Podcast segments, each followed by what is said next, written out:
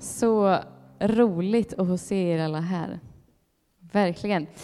Agnes Runegrund heter jag, som min mamma, om ni inte förstod att det var det, berättade. Eh, hette Johansson innan, om ni kände igen mig som liten. Nu heter jag Runegrund och ser ut så här. eh, jag är då uppväxt i den här församlingen. Och eh, jag är inte en väldigt envis person, men ibland med vissa saker kan jag vara lite envis. Så jag kommer ihåg en specifik gång hemma på, i ena kyrkan borta vid eh, busstationen innan vi flyttade hit. Så var jag kanske sådär 11, 12 år, hade inte riktigt känt att jag ville gå på söndagsskolan och ville inte riktigt kanske egentligen sitta kvar på gudstjänsten.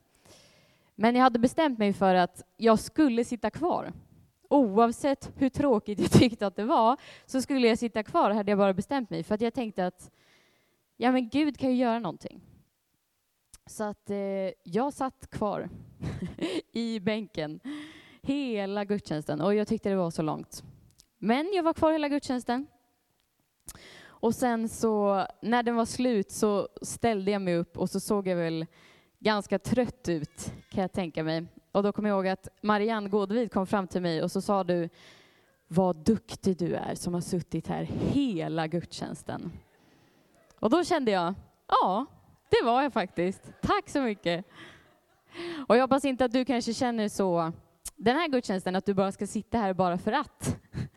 Vi tror ju faktiskt att eh, när vi kommer till kyrkan och när vi kommer till Guds hus tillsammans, då vill Gud göra någonting ibland oss. Så även om det är så att du är här för 71 gången eller om du är här för första gången så kan du få ha en förväntan på vad Gud ska göra. För att eh, även om man kanske inte hänger med på allt som jag säger här uppifrån så talar han till dig där du sitter också. Så ha ett öppet hjärta eh, här idag. Och så ber vi för, för gudstjänsten.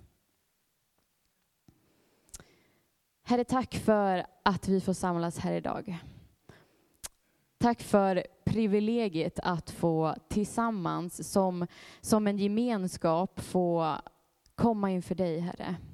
Få lyssna till vad du har att säga och få vända vårt fulla fokus och vårt hjärta till dig, Herre.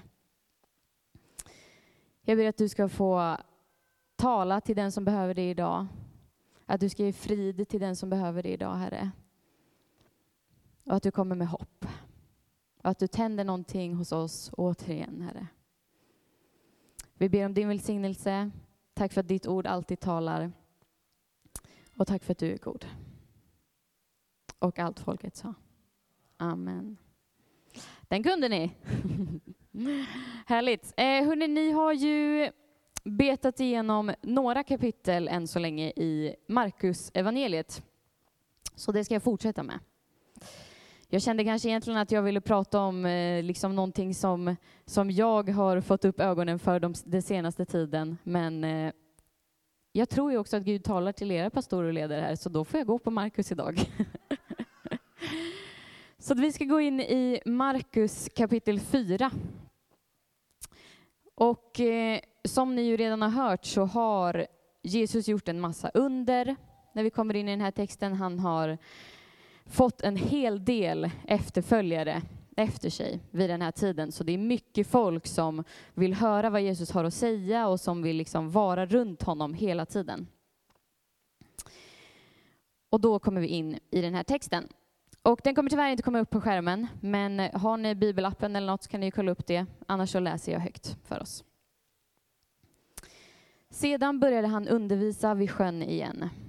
Då samlades så mycket folk runt honom att han steg i en båt och satt i den ute på sjön, medan allt folket stod på stranden. Han lärde dem mycket i liknelser och i sin undervisning sa han till dem. Lyssna, en såningsman gick ut för att så. Och när han sådde så föll en del vid vägen och fåglarna kom och åt upp det. En del föll på stenig mark där de inte hade mycket mylla och det kom upp snabbt eftersom de inte hade djup jord. Men när solen steg sveddes det och eftersom de saknade rot vissnade de bort. En del föll bland tistlar och tistlarna sköt upp och kvävde det så att det inte gav någon skörd. Men en del föll i god jord, och de sköt upp och växte och gav skörd. Trettiofalt och sextiofalt och hundrafalt. Och han sa, hör du som har öron att höra med. Sen så lite längre fram i texten så ger Jesus en förklaring på den här liknelsen. I, från vers 13 så säger han, förstår ni inte den här liknelsen? Hur ska ni då kunna förstå några liknelser alls? Såningsmannen sår ordet.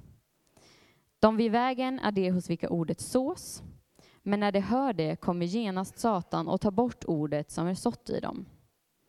Det som sås på stenig mark är det som genast tar emot ordet med glädje när de hör det.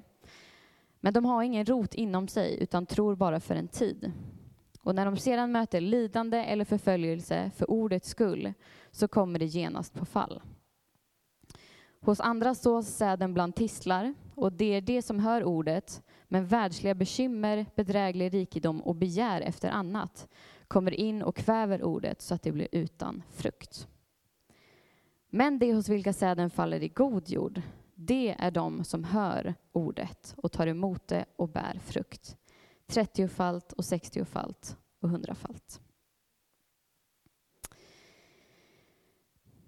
Vi ska gå igenom det här med här liknelserna lite enkelt.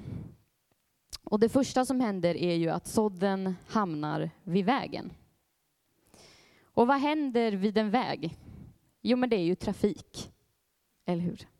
Och på den här tiden var det kanske inte trafik med bilar som körde förbi som det är idag.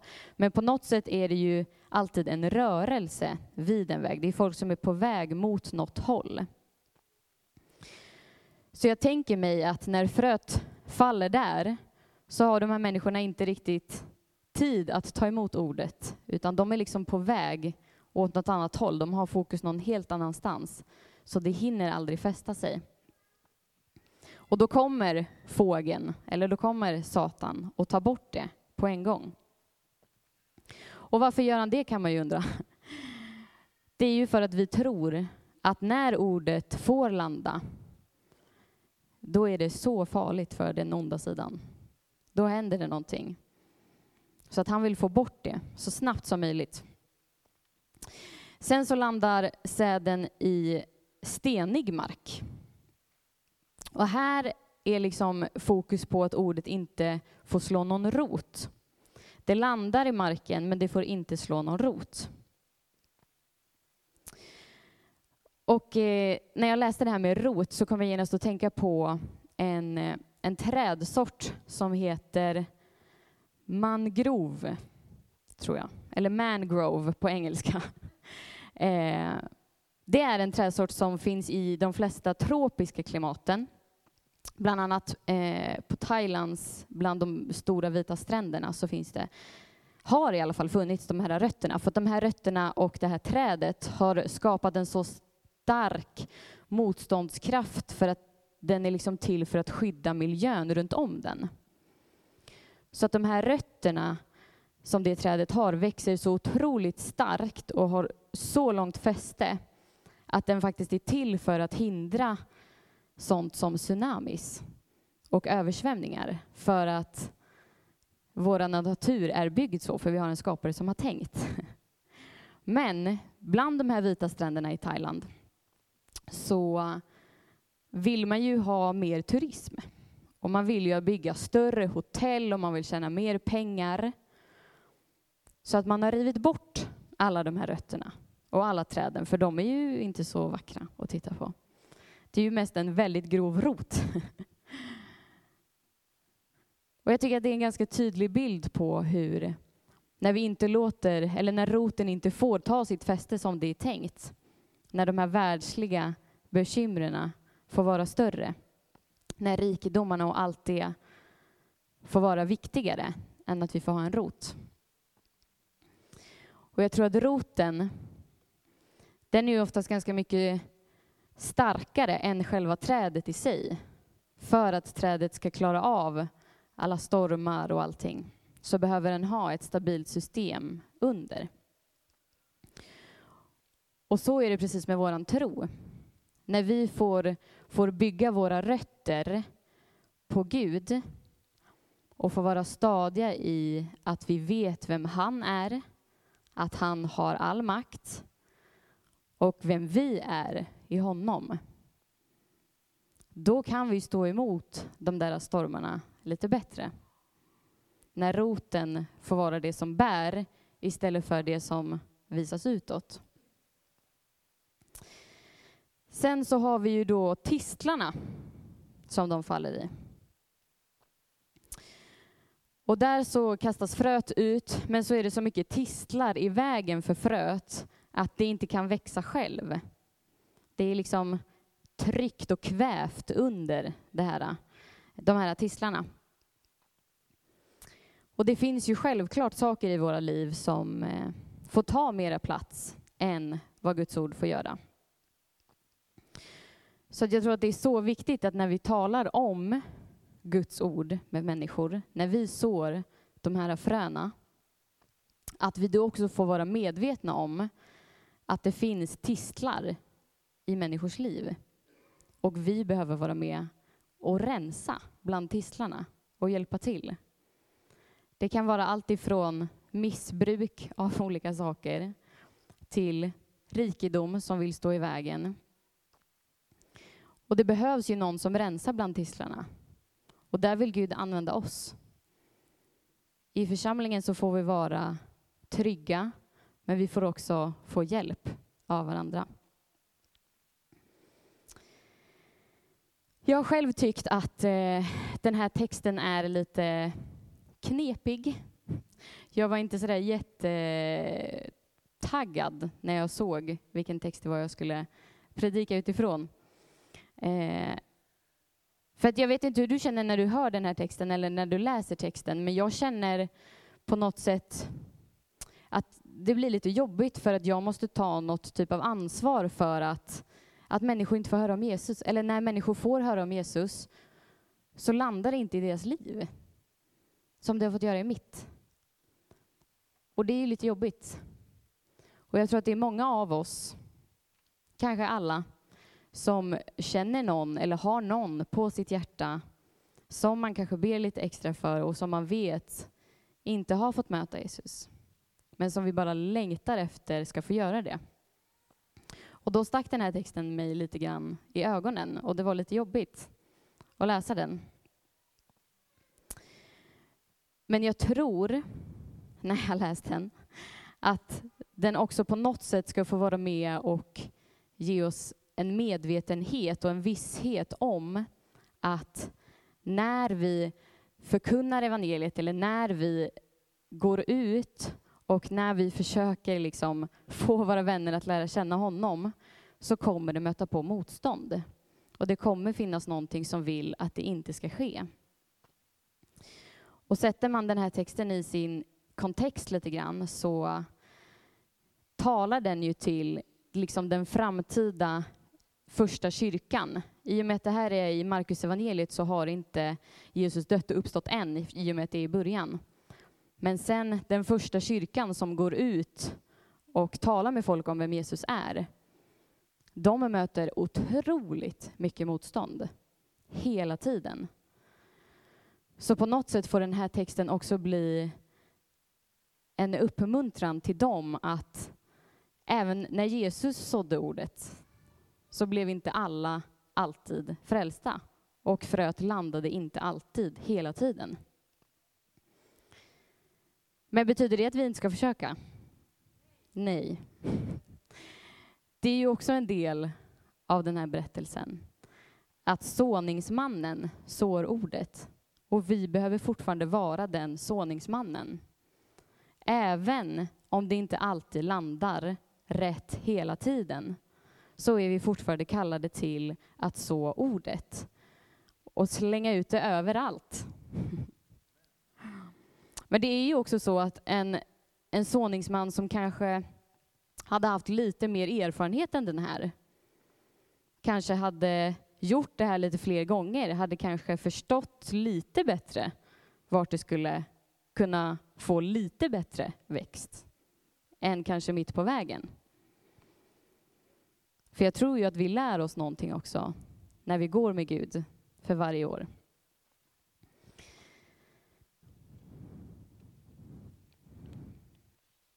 Sen så den sista delen som fröet landar i, det är ju faktiskt den goda jorden. Tack Jesus.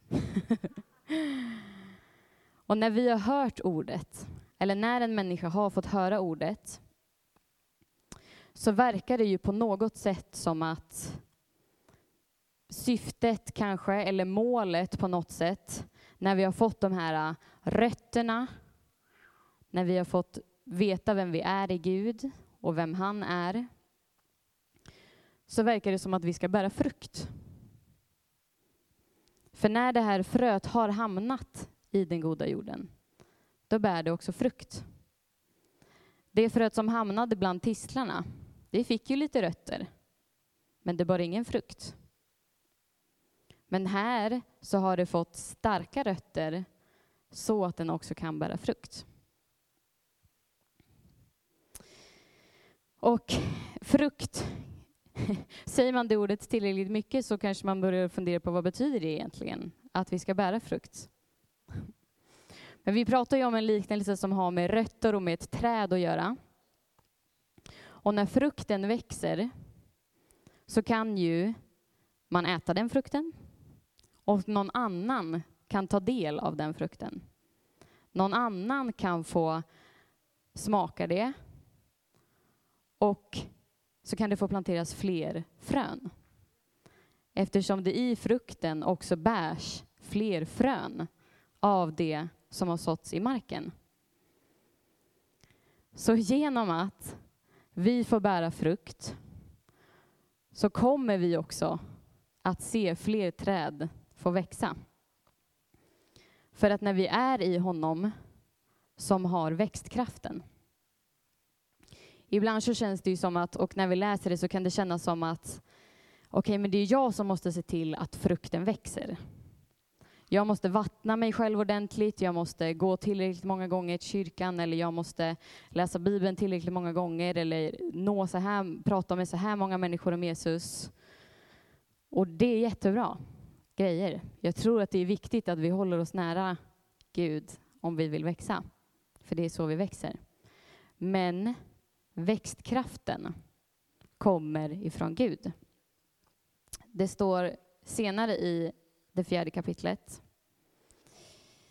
och vers 26 så står det Guds rike är som när en man sår säd i jorden.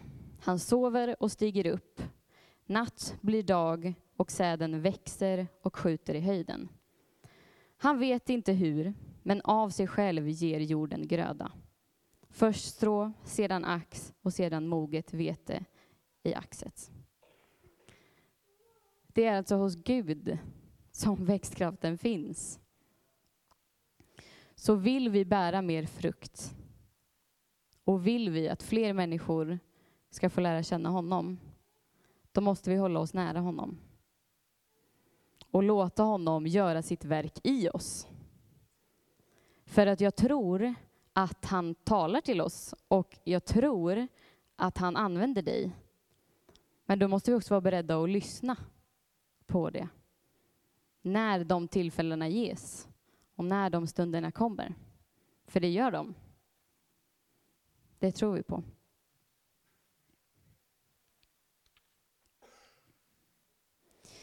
Och en spännande parallell i den här berättelsen, det är också, det la ni säkert kanske någon märke till, men i början av texten så står det att eh, folkskarorna samlades kring honom där de var, men att Jesus sen tog sig ut i båten en bit liksom bort från land där alla människorna var.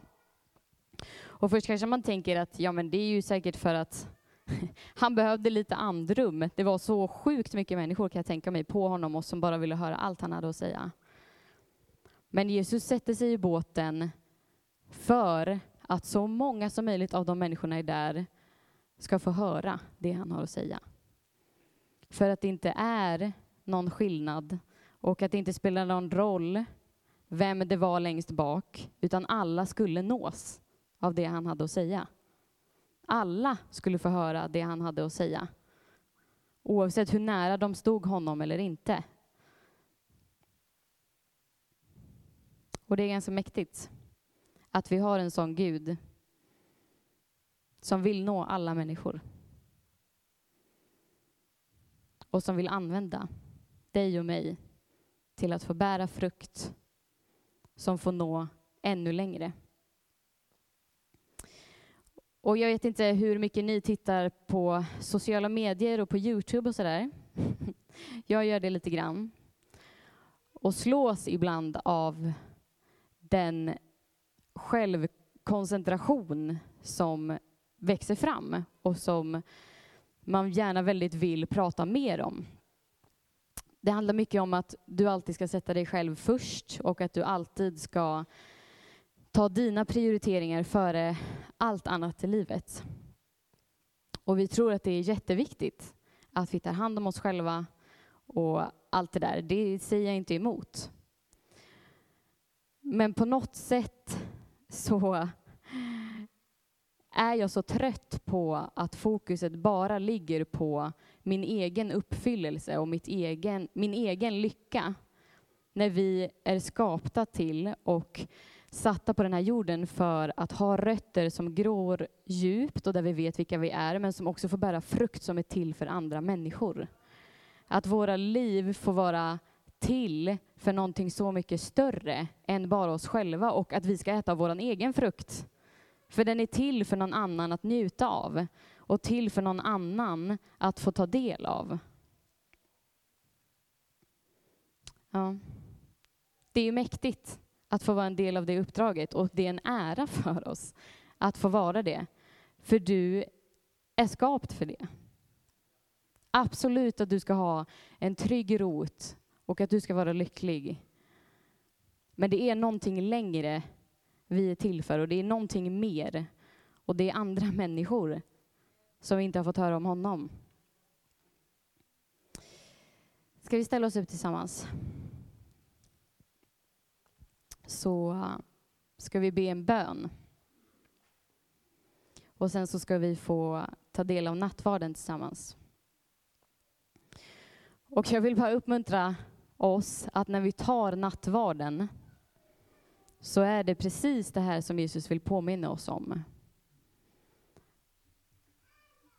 Att ge det vi har för våra nästa skull. Precis som han gjorde på korset. Låt oss be tillsammans. Herre, tack för att du har all makt, Herre. Tack för att du är så god och du är så mäktig. Tack för att du gav ditt liv för oss. Herre. Tack också för att du är den som vill få oss att känna sig älskade först och främst. Så att vi sen också får bära frukt som får ge vidare, Herre.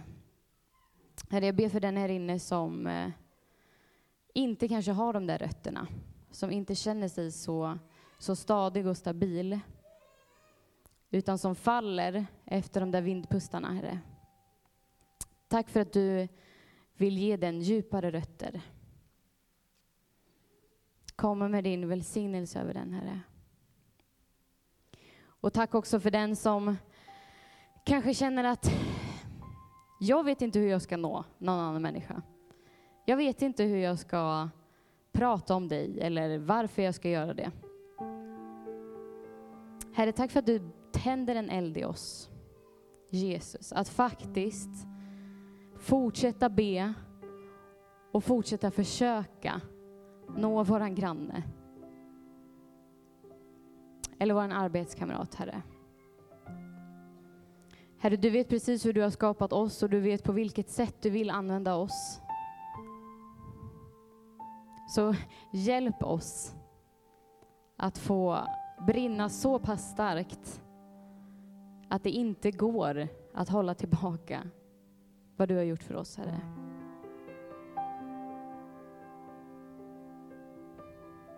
Herre, jag bara ber att vi ska få se fler människor få komma till dig. Det är det som är vår längtan. Hur det än sker så är det som är vår längtan, Herre. Och tack för att det är du som ser till att det får gro. Att det inte ligger på oss utan att det är du